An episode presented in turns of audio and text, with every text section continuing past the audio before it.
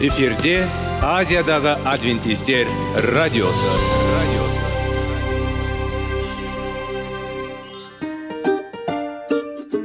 сәлем достар. Денсаулық өмір бұлағы және біздің бірінші байлығымыз демекші денсаулық сағаты рубрикасына қош келдіңіздер. Біздің рубрикада біз әртүрлі факторларменен мәліметтерменен кеңестерменен бөлісіп шын жүректен сіздердің дендеріңіз сау болғанын қалаймыз. Сол үшін біздің рубрикаға қош келдіңіздер. Дайындалып тұрыңыздар. Өйткені келесі минуттарда қызықты фактілерге ие боласыздар. Енді достар ең бірінші байлығымызды қолымызға алып алға кеттік.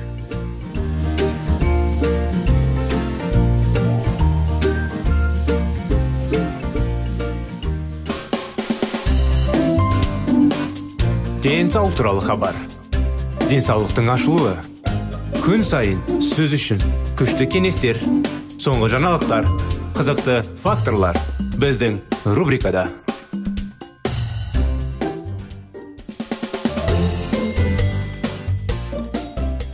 сәлем достар ассалаумағалейкум біздің құрметті радио тыңдаушыларымыз біздің денсаулық сағат бағдарламамызға қош келдіңіздер. Құрметті достар сіздерлердің назарларыңызға салауатты өмір салты салауатты болу тақырыптарын жалғастыра кетейік. Балалар жасындағы жиі темекі шегулердің неврологиялық проблемалары қиындықтары оңай емес. Олар сәйкес келеді жалпы тәрбие мәселелеріне. Алайда бұрын байқалған сонымен қатар темекі түтінмен дем алуға мәжбүр болған балалардың бөлім беру мекемесінде білім беру мекемесінде үлгерімі нашар. Ұйықтау есте сақтау бейімделу қиындықтары бар.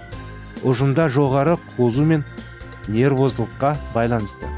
Ұлыбританияда балалар арасында сауалнама жүргізілді. Бір немесе екі ата ана міне оның нәтижелері балалардың 98 пайызы олардың ата аналары темекіні тастағысы келеді. Балалардың 82 пайызы олардың ата аналары үйлеріне темекі тартпауын қалайды. Балалардың 78 пайызы олардың ата аналары машинада темекі шекпейтінін айтты. Балалардың 41 пайызы темекі түтіннің нашарлығының атап өтті. Олардың көңіл күйі балалардың 42 пайызы темекі түтіннен қатты жөтел дамитынын айтты. Темекі шегетін ата аналардың балалары респираторлық аурулармен пневмония бронхит салыстырылғанда 8-13 есе жиі ауырады. Темекі шекпейтін ата аналардың балаларымен темекі шегу баланың иммунитетін төмендетуге алып келеді. Жиі темекі шегу және оның бар кезінде әсері адам аурулары бар. Демікпе эмфизема бронхит созылмалы синусит аллергиялық реакциялар жүрек тамыр аурулары бұл алыс өтетін аурулардың толық емес тізбесі жиі темекі шегудің әсерінен айтарлықтай шиеленіседі. Жиі темекі шегуден қалай аулақ болу керек? Тұрмыста әсіресе балалар арасында жиі темекі шегудің шектеңіз. Егер отбасында темекі шегуші болса сабыңды ерітінділерді қолдана отырып үй жайды жиі желдетіп ылғалды тазалап отырыңыз. Тек бір су темекі капотасын алып тастай алмайды сондай ақ тек едендейді ғана емес. Сондай ақ жиһаздың барлық беттерін және тұрмыстық және тұрмыстық заттарды отбасы мүшелеріне жалпы бөлмелерде темекі шеуге тыйым салу. Әсіресе балалар бөлмесіне жақын. Әсіресе балалардың қатысуымен. Соңғы темекі шегуден кейін кем дегенде 10 минут бойы балаға жақындамаңыз. Барлық пәтерде тәулігіне кемінде төрт рет желдетіңіз. Маусымға байланысты 15-30 минуттар егер үйге қонақтар келсе оларға тыйым салынған туралы дереу ескертіңіз. Пәтерде темекі шегуге болмайтын. Кеңседе қоғамдық орындарда темекі шегуге тыйым салу туралы заңды сақтауды талап етіңіз. Және осы заңға сәйкес жабдықталған темекі шегуге арналған орындарды бөлуге қол жеткізіңіз. Офистік үй жайларда жиі желдетіп өткізіңіз. Жұмыс орнын ылғалды тазалау қарапайым ылғалды сулықтар жақсы келеді. Олар кез келген уақытта үстелді жиһаз бен техникалық бетін сүртуге болады. Қоғамдық орындарда шылым шегулердің жағында болуға және аулақ болуға тырысыңыз. Олардың жиналу орнында темекі шегуге арналған аймақтар үйлердің шаттарлары және тағы басқалар темекі шекпейтін адамдардың көзінше темекі шегетіндерге түтуге өтініш білдірмеңіз. Жарақат алған жерде болған соң киімді ауыстырыңыз. Душ қабылдаңыз және шашты мұқият жуыңыз. Денсаулық сақтаудағы заң 2013 жылдан бастап ресей федералды және әрекет етеді. Азаматтардың денсаулығы қоршаған ортаның әсерінен қорғау темекі түтінінен және темекі әсерлерін. Заңға сәйкес 2013 жылдың бірінші маусымынан бастап темекі шегуге тыйым салынады. Стадиондарда мектептерде мәдениет үйлерінде емханаларда пойызларда ұшақтарда қонақ үйлерде дүкендерде лифттерде балаларға арналған және 2004 жылдың бірінші маусымынан бастап темекі шегуге тыйым салынды. Алыс жүретін пойыздарда жолаушылар платформаларында жатақханаларда және қонақ үйлерде сауда үй жайларында базарда дәмханаларда барларда мейрамханаларда заң сондай ақ қамтиды. Темекіні жарнамалауға және сатуды ынталандыруға сондай ақ оның демеушілігі денсаулық сақтау министрлігінің бағалау бойынша темекіге қарсы сан жыл сайын ресейде 150-200 өмірді құтқара алады. Адамдарда өз әдет ғұрпымен алу әділетсіз деп келісіңіз. Күзетте тұрыңыз. Ең өз денсаулығымен өз жақындарының әсіресе балаларының денсаулығы темекі шегудің жолын саналы түрде таңдайтындарға барлық жағынан ауыр және қауіпті құмарлықты бөліспеңіз және ынталандырмаңыз. Темекі тастайтындарға дұрыс тамақтану көмек әрине. Никотиннен бас тарту жолындағы бірінші қадам сөзсіз ақталмайтын залдарын түсінуі болып табылады. Келтірсе темекі шегетін өзіне және айналасындағыларға көптеген адамдар сүйікті бірақ зиянды әдет бас тарту оңай емес. Ал бұл оңай іске қарапайым өнімдер көмектесе алады. Міне темекіні тастағысы келген бірнеше кеңестер. Темекіні тастайтын адам тамырын өзгертіп оны қажетті дәрумендермен байытады.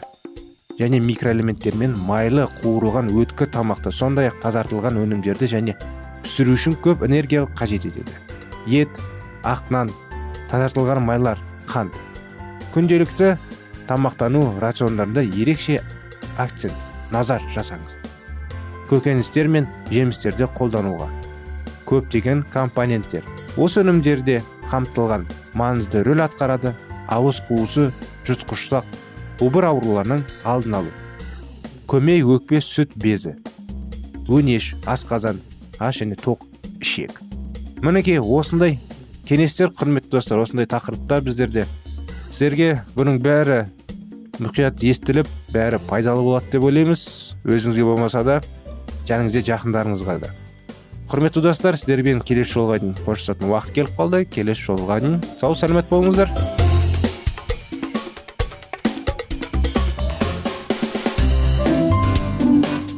Денсаулық туралы хабар. Денсаулықтың ашылуы. Күн сайын сөз үшін күшті кеңестер соңғы жаңалықтар қызықты факторлар біздің рубрикада.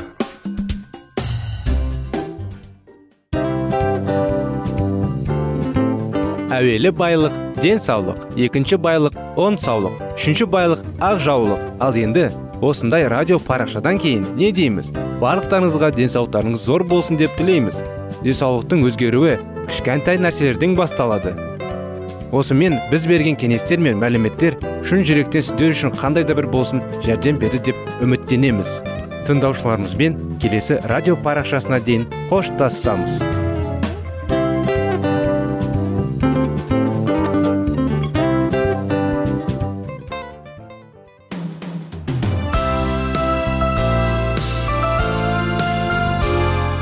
эфирде азиядағы адвентистер радиосы.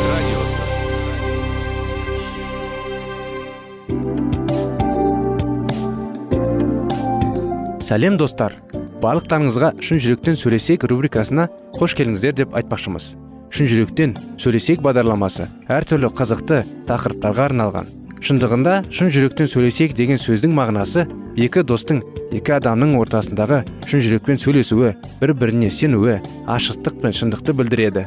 Сол үшін біздің бағдарламалар әртүрлі қызықты тақырыптарға арналған. Дайындалыңыз жаңа қызықты мәліметтерге ие болға ондай болса кеттік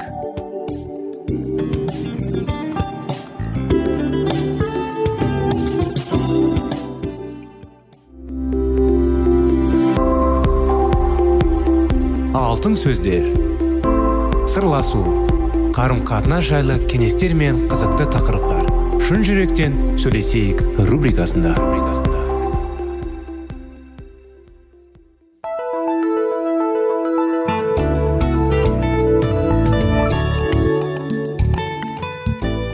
Армысыздар сәлеметсіздер ме құрметті достар. Сіздерменен бірге шын жүректен сөйлесейік бағдарламасы. Сіздерлердің назарларыңызға баланың жүрегіне бес қадам тақырыбын жалғастырамыз мысалы бала ата анасын отырғысыз келеді. Бұл пассивті агрессия болып көрінуі мүмкін. Және ол ең ауыр жерге лақтырады. Ол ата анасын көбірек ренжітеді. Ал көптеген отбасыларда ата аналар көбінесе белгілер туралы мазалайды. Осылайша ата аналар белгілер мен үй тапсырмаларына көп көңіл бөлген сайын балада бұл іс соғұрлым нашар болады. Ол ата анасының қалауына қарсы тұрады және нашар оқиды. Есіңізде болсын сіз үй тапсырмасын мұқият тексерген сайын бала аз жауапкершілікті сезінеді. Ал егер ол сабақ қалай жақсы жасауға тырыспаса ата аналар қажет болса бәрібір тексереді және түзетіледі. Оның оқуға ынтасы да жоқ. Егер сіз баланы жауапты етіп тәрбиелегіңіз келсе онда оқуға деген қызушылықтың оянғанына қаласаңыз. Үй тапсырмалары бұл сіздің міндеттеріңіз емес. Оны және олардың орындауына жауапкершілік оған жүктеледі. Өзіңізді қалай ұстау керек. Балаларға егер қажет болса оған қуанышпен көмектесіңіз деп айтыңыз. Алайда сіз өз жұмысыңызға жауапты болғыңыз келсе соған сабақ жасамайсыз. Айталық сіздің ұлыңыз математикадан күрделі есеп берді. Сіз оның орнына оны шешуге тиіс емес. Оқулықты алыңыз. Осындай тапсырмаларды қалай шешу керектігі сипатталған бөлімді табыңыз және ұлымен бірге түсініктеме оқыңыз. Егер ол бәрін түсінсе оған кітап беріңіз. Сіз оны түсінуге көмектесті ал тапсырмасын шешуге бұл оның міндеті. Егер мұғалім материалды анық баяндамаса ертең мұғалімнен тағы бір рет түсіндіруді сұраса ұлына айтыңыз. Әрине бала мүлдем шатасқан кезде сізге қосымша материалды пайдалана отырып шешім қабылдау керек. Бұл әдетте ол сіздің көмегіңіз сабақ жасайды және өз жауапкершілігін түсінеді. Егер әбден мүмкін. Егер сіз үй тапсырмаларына тым көп көңіл бөлсеңіз оларды орындау үшін біртіндеп жауапкершілікті балаға аударуға тырысыңыз. Егер оның белгілері нашар болса уақыт өте келе олар түзетіледі. Бірақ ол жауапты болады. Өз бетімен қиындықтарды жеңуді үйренеді. Ал бұл әлде қайда сонымен аз кем. Сіз жойылуға тиіс. Көп ұзамай сіздің балаңыз көмекті талап етпейтін тоқтатылады. Ол бәрін өзі жасайды және әлде қайда тез. Ол мектеп бағдарламасы қамтамайтын пәндерге көп уақыт бөле алады. Ал сіз оған көмектесіп оның мүдделерін қолдайтын болады.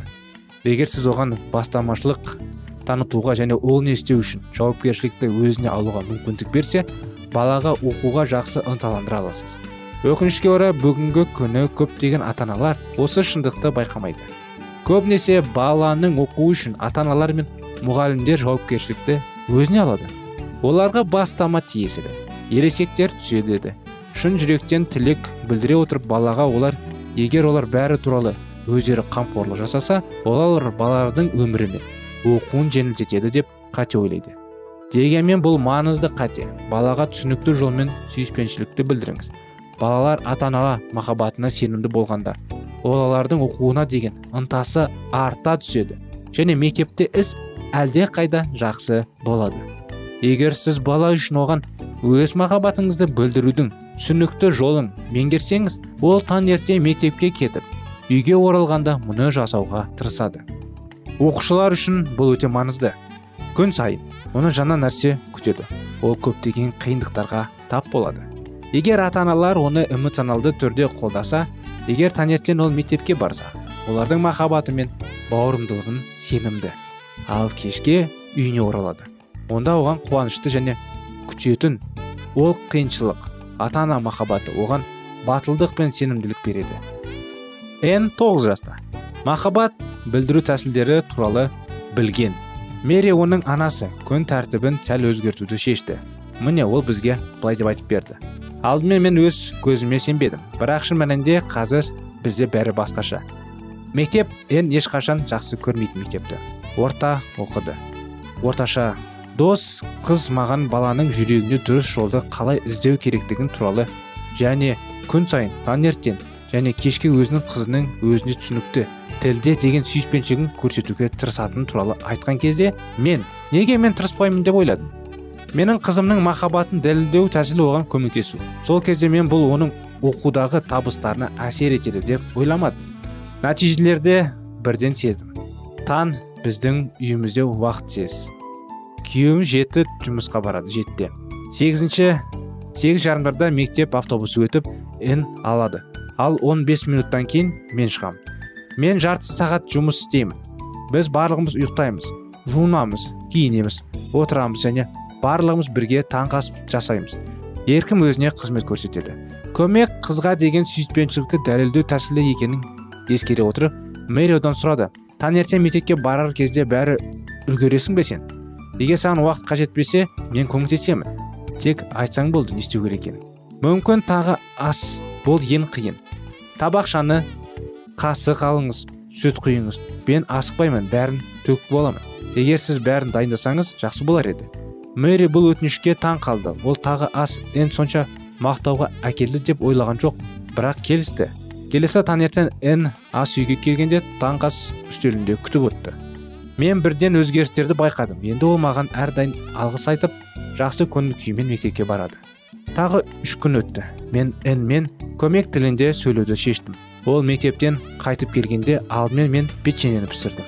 Эн үйге келіп портфелін тастады мен оны ас үйге шақырдым. Қызым мен печенье пісірдім көресің бе? Мен оған сүт құйдым. Біз бірге отырдық және мектепте не болғаның туралы әңгімелестік. Келесі күні мен юбка тіктім. Ол бір апта бұрын қайта жасауды сұрады. Эн мектепте қайтып келгенде мен оған юбкаң дайын деді енді ұзындығы сияқты қараңызшы. Давай енді бұны киіп көрейік. Ал юбка кигенде мен оны барлық жағынан қарап мақтадым. Ал саған қалай бұл әдемі келді екен? Ол күліп маған алғыс айтты. Мен оның әрбір өтінішін мұқият тыңдап тіпті блокнотқа жазып алдым. Мінекей осындай оқиғамен құрметті достар бағдарламамызды аяғына келіп тоқтатамыз. Сіздерменен бірге шын жүректен сөйлесейік бағдарламасы.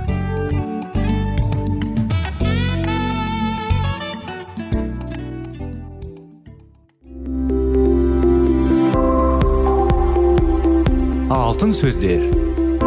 Сырласу. Қарым қатынас жайлы кеңестер мен қызықты тақырыптар. Шын жүректен сөйлесейік рубрикасында.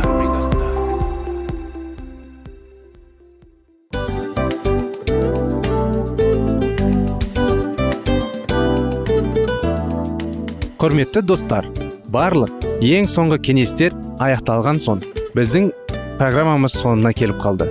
Осы біздің мәліметтер осы рубрикада айтылған әрбір сөздер сіздерге өзінің қандай да бір пайдасын алып келді деп шын жүректен сенеміз. Және бұдан да көптеген рубрикаларымыз бар. Басқа рубрикаларымызда біздің зерттеулерімізде сіздер үшін тағы да қызықты мәліметтер дайын. Біздің шын жүректен сөйлесейік парақшамызда көптеген әдістер ең соңғы кеңестер адамның нравственность жақтан моральдық жақтан тазалап байыта тұрған соңғы кеңестердің барлығын жанарады. Сондықтан алдыңғы күндерде бізбен бірге болыңыздар. Өйткені барлық қызықтар алдыда. Бізбенен бірге болғандарыңызға үлкен рахмет. Келесі кездескенімізше сау сәлемет болыңыздар.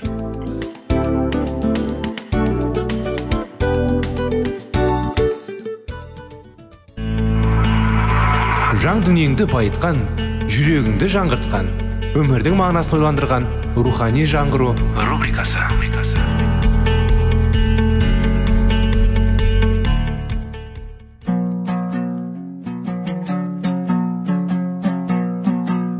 Ассалаумағалейкум біздің тыңдаушыларымыз келі кітаптың шындығын ашып берген қысқа бағдарламасына қош келдіңіздер. Барлығынан жоғары жаратушы біздің қарыңғылықта жалғыз қалдырып қойған емес. Өйткені ол келешекте не болу керек екенін киелі кітаптың парақтарында ашып береді. Немесе келіңіздер бізге қосылыңыздар. Жаратушы бізге нен ашып бергенін зерттейміз.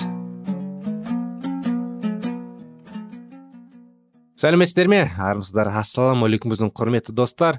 Қош келдіңіздер біздің рухани жаңғыру бағдарламамызға. Қош келдіңіздер деп айтқымыз келеді сіздерге. Біздің бағдарламаны бірінші тыңдатқан тыңдаушыларымыз болса қысылмаңыздар біздің бағдарламадан алыстамаңыздар. Біздің бағдарламаны жиі тыңдап кеңес алып құдайдың сөзін оқимыз. Әрине біздің бағдарламада сүйінуді үйренеміз. Және де рухани жаңғыратындай көптеген тақырыптарды диалог арқылы кітап арқылы кеңес алып мәліметтер алып анықтамалар аламыз. Көптеген адамдарда күнделікті ары бері тірліктері көп көптеген істері көп. Күнделікті іс әрекет байлық көптеген ойлықта ойдан ой болып ниеттер болып. Бірақ кей кезде қанша да ақша көп болса да көптеген нәрселер болса да барлық нәрселер толығымен болса бірақ кей кезде жүректе бір бостық болады тыныштық бір бір бос орын болып тұрады. Соны бір толтырғың келеді. Сондай уақытта құдай әрине бізге көмектеседі. Ол орынды біз жиі толтырып отыруымыз керек. Ол бос орынды. Құдайдың арқасында. Құдайға сиініп құдаймен әңгімелесіп құдайдың сөзін оқып тәжірибелер жинап. Сондықтан қазіргі уақыттарда сіздерлер назарларыңызға құрметті достар сиінуді қалай үйренету тақырыптарын. Естеріңізде болса өткен жолы біз сіздерге мұнажаттың қаншалықты ашық және табанды болатын мысалды келтіремін деп келтіріп айтып беремін деген едім. Соны жалғастыра кетсем мың төрт жүз жоқ кешіріңіздер мың бес жүз қырқыншы жылы лютердің жақын досы фридрик муконис ауыр науқас еді. Жақында көз жұматының оның өзі де өзгелер де білді. Бірде ол түнделетіп дірілдеген қолдарымен өзінің жақсы көретін досы лютерге қоштасу хатын жазады. Хатты алған лютер оған дереу былай деп жауап жазды. Құдайдың атымен саған өмір сүруді бұйырамын. Өйткені сен маған реформация ісіңде қажетсің. Құдай сені қайтыс болады деген хабарды естуден мені сақтасын. Сен менен ұзақ өмір сүресің. Осы үшін мұнажат етемін және тілегімнің орындалатынына сенемін. Себебі мен тек құдайдың есімінің дәріптеуін қалаймын. Бұл хатты алған кезде муконис ендігі тілі байланып қалған болатын. Бірақ көп ұзамай ол құлан таза сауығып кетті және шынында да лютердің екі ай ұзақ өмір сүрді. Құдайға келіп сен менің өз пайдам үшін немесе мәселелерім жеңілдеу сондай ақ менің еркінің орындалу үшін емес бұл істе сенің есімің дәріптеліп саған саған деген жалғыз тілектен сұрап тұрғанымды білесің деп айтқанымыздан өзге ештеңе де біздің мұнажатымызды осылай шын жүректен аша алмайды. Осылай сиынған кезде біз тіпті мұнажатымыз орындалмаса да жан тыныштығына ие боламыз. Тағы бір оқиға есіме түсіп кетті. Оқиға дегенде бір мәлімет енді. Әңгіме ме аңызда десек те болады. Бір жас жігіт әрине бойдақ қыз тауып үйленгісі келеді. Сонда ойы құдайға сиыну құдайдан ақыл сұрап күш қуат ә, ол менің болашақ әйелім жарым осы ма осы емес па деп. Сонда ода мысалда не тұрады? Құдайға бәрін табыстау ол құдайға табыстайды әрине бәрін. Құдайға сиынады құрметті құдайым тәңір ием. Мінекей осы қызды марияшты кездестім.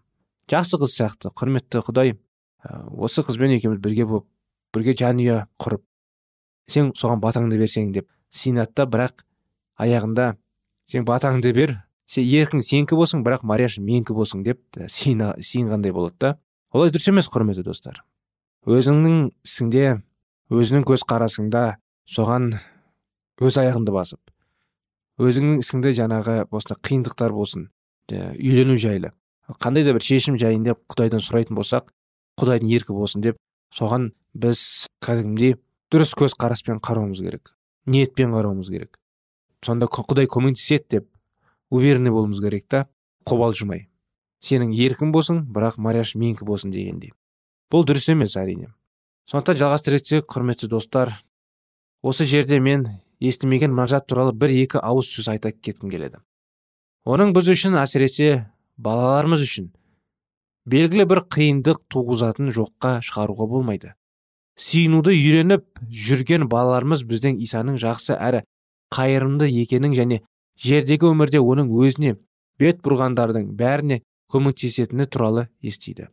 Сөйтіп біздің балаларымыз өздерінің үлкенді кішілі мәселелерін сенім арта исаға келеді және балалық сенгіштікпен өтініштерінің орындалу күтеді. Содан соң тағдыры орын алады. Олар исадан сұрағанын ала алмады. Бұл жерде балаға жедел көмектесіп неге осылай болатынын түсіндіргеннің маңызы зор. Балалармен сөйлескенде көрнектілік қажет. Әйтпесе сөз олардың. Бір құлағынан кіріп екінші құлағынан шығып кетеді. Мысалы бір оларға балалардың мылтықпен ойнап нәтижесінде өмір бойына мүгедек болып тіпті мерт болған туралы газеттен оқығанымызды айтып бере аламыз. Неліктен осылай болады? Балалар ата анасынан мылтық сұрады және олар оны бере салды. Егер де әкесі мен шешесі ақылдары болып оларға мылтықты бермегенде мұндай қайғылы жайт орын алмас еді. Сонда балалар осы мысалдан құдайдың олардың сұрағынан бермеу оның тарапынан көрсетілген мейірімділік болуы мүмкін екенін түсіне алады. Оңай ұмытып кететін біздер ересектер де осыны қайт қайта пысықтауға тиіспіз. Біз жұмысымыздан өзімізге сенім артамыз және бізге не пайдалы екенін бәрінен де өзіміз жақсы түсінеміз деп ойлаймыз. Егер құдай басқа пікірде болса ол біздің қамымыздың ойламайды деп жазғарамыз естілмеген мұнажаттар тіпті елшілерге де мәлім болған. Паул бізге өзінің бір іс туралы үш рет сыйынғаннан бірақ соған қарамастан сұрағаннан қол жеткізе алмағанын айтады. Әңгіме оның елшілік қызметінде үлкен қиындықтар туғызған тәніңдегі шаншу жайында болған еді. Паул құдайдан өзін осы азаптардан азат етудің өтінді. Бірақ құдай өтінін оның өтінішін орындамады. Әрине оның бұл өтініші орындамау паулдың мұнажаты дұрыс қолданбағандығынан емес еді. Паул ауырдан құтылу үшін емес бұны ол елшілік қызмет қызметі үшін сұрады. Осылайша оның мұнажаты құдайдың есімінің дәріптеуіне негізделді.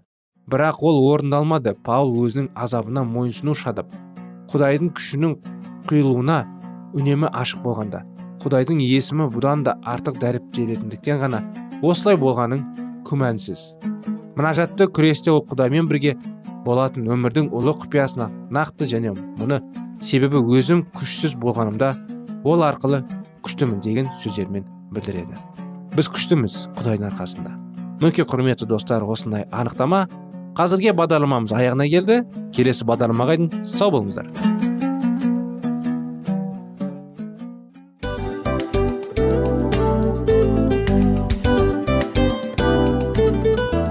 Осымен достар программамыздың зерттеуіміздің ең қайғылы минутына жеттік. Қайғылы дегенде бағдарламамыз тез арада өтті де кетті. Соған көңіліміз деп тұр. Жарайды қайғыны қояйық. Бүгінгі 24 сағаттың алтындай жарты сағатын бізге бөліп арнағаныңыз үшін рахмет. Егер де өткен сфераларда пайдалы кеңес алған болсаңыз біз өзіміздің мақсатымызға жеткеніміз. Тыңдаушыларымызбен қоштасу уақыты келді. Келесі кездесулерді сағынышпен күтеміз. Жарты сағатты кездесуіміз көз ашып шапқанша дем арасында өтіп кетті. Бірақ бізде жақсы хабар бар. Келесі зерттеулерімізде сөзсіз кездесеміз. Өйткені көптеген сюрприздер қызықты мәліметтерді және керекті нәрселерді көбін дайындадық. Бүгінгі күндеріңіз өзгеше позитивті болсын. Жақындарыңыз аман есен болсын деп тілейміз. Жаратқан ие барлықтарыңызға батасын берсін. Істеген істеріңіз игілікті болсын. Келесі кездескенше сау саламат болыңыздар. Достар біздің бағдарлама бойынша сұрақтарыңыз болса әрине сіздерге керекті анықтама керек болса біздің whatsapp нөмірімізге хабарлассаңыздар болады. Плюс бір үш жүз бір жеті жүз алпыс алпыс жетпіс. Иә достар сіздер қателеспедіңіздер бұл біздің номерлерге ұқсас болмаса да бұл whatsapp номер арнайы. Хабарласыңыздар сұрақтарыңызды қойып тұрыңыздар. Анықтаманы алып тұрыңыздар. Плюс бір үш жүз бір жеті жүз алпыс алпыс жетпіс whatsapp номері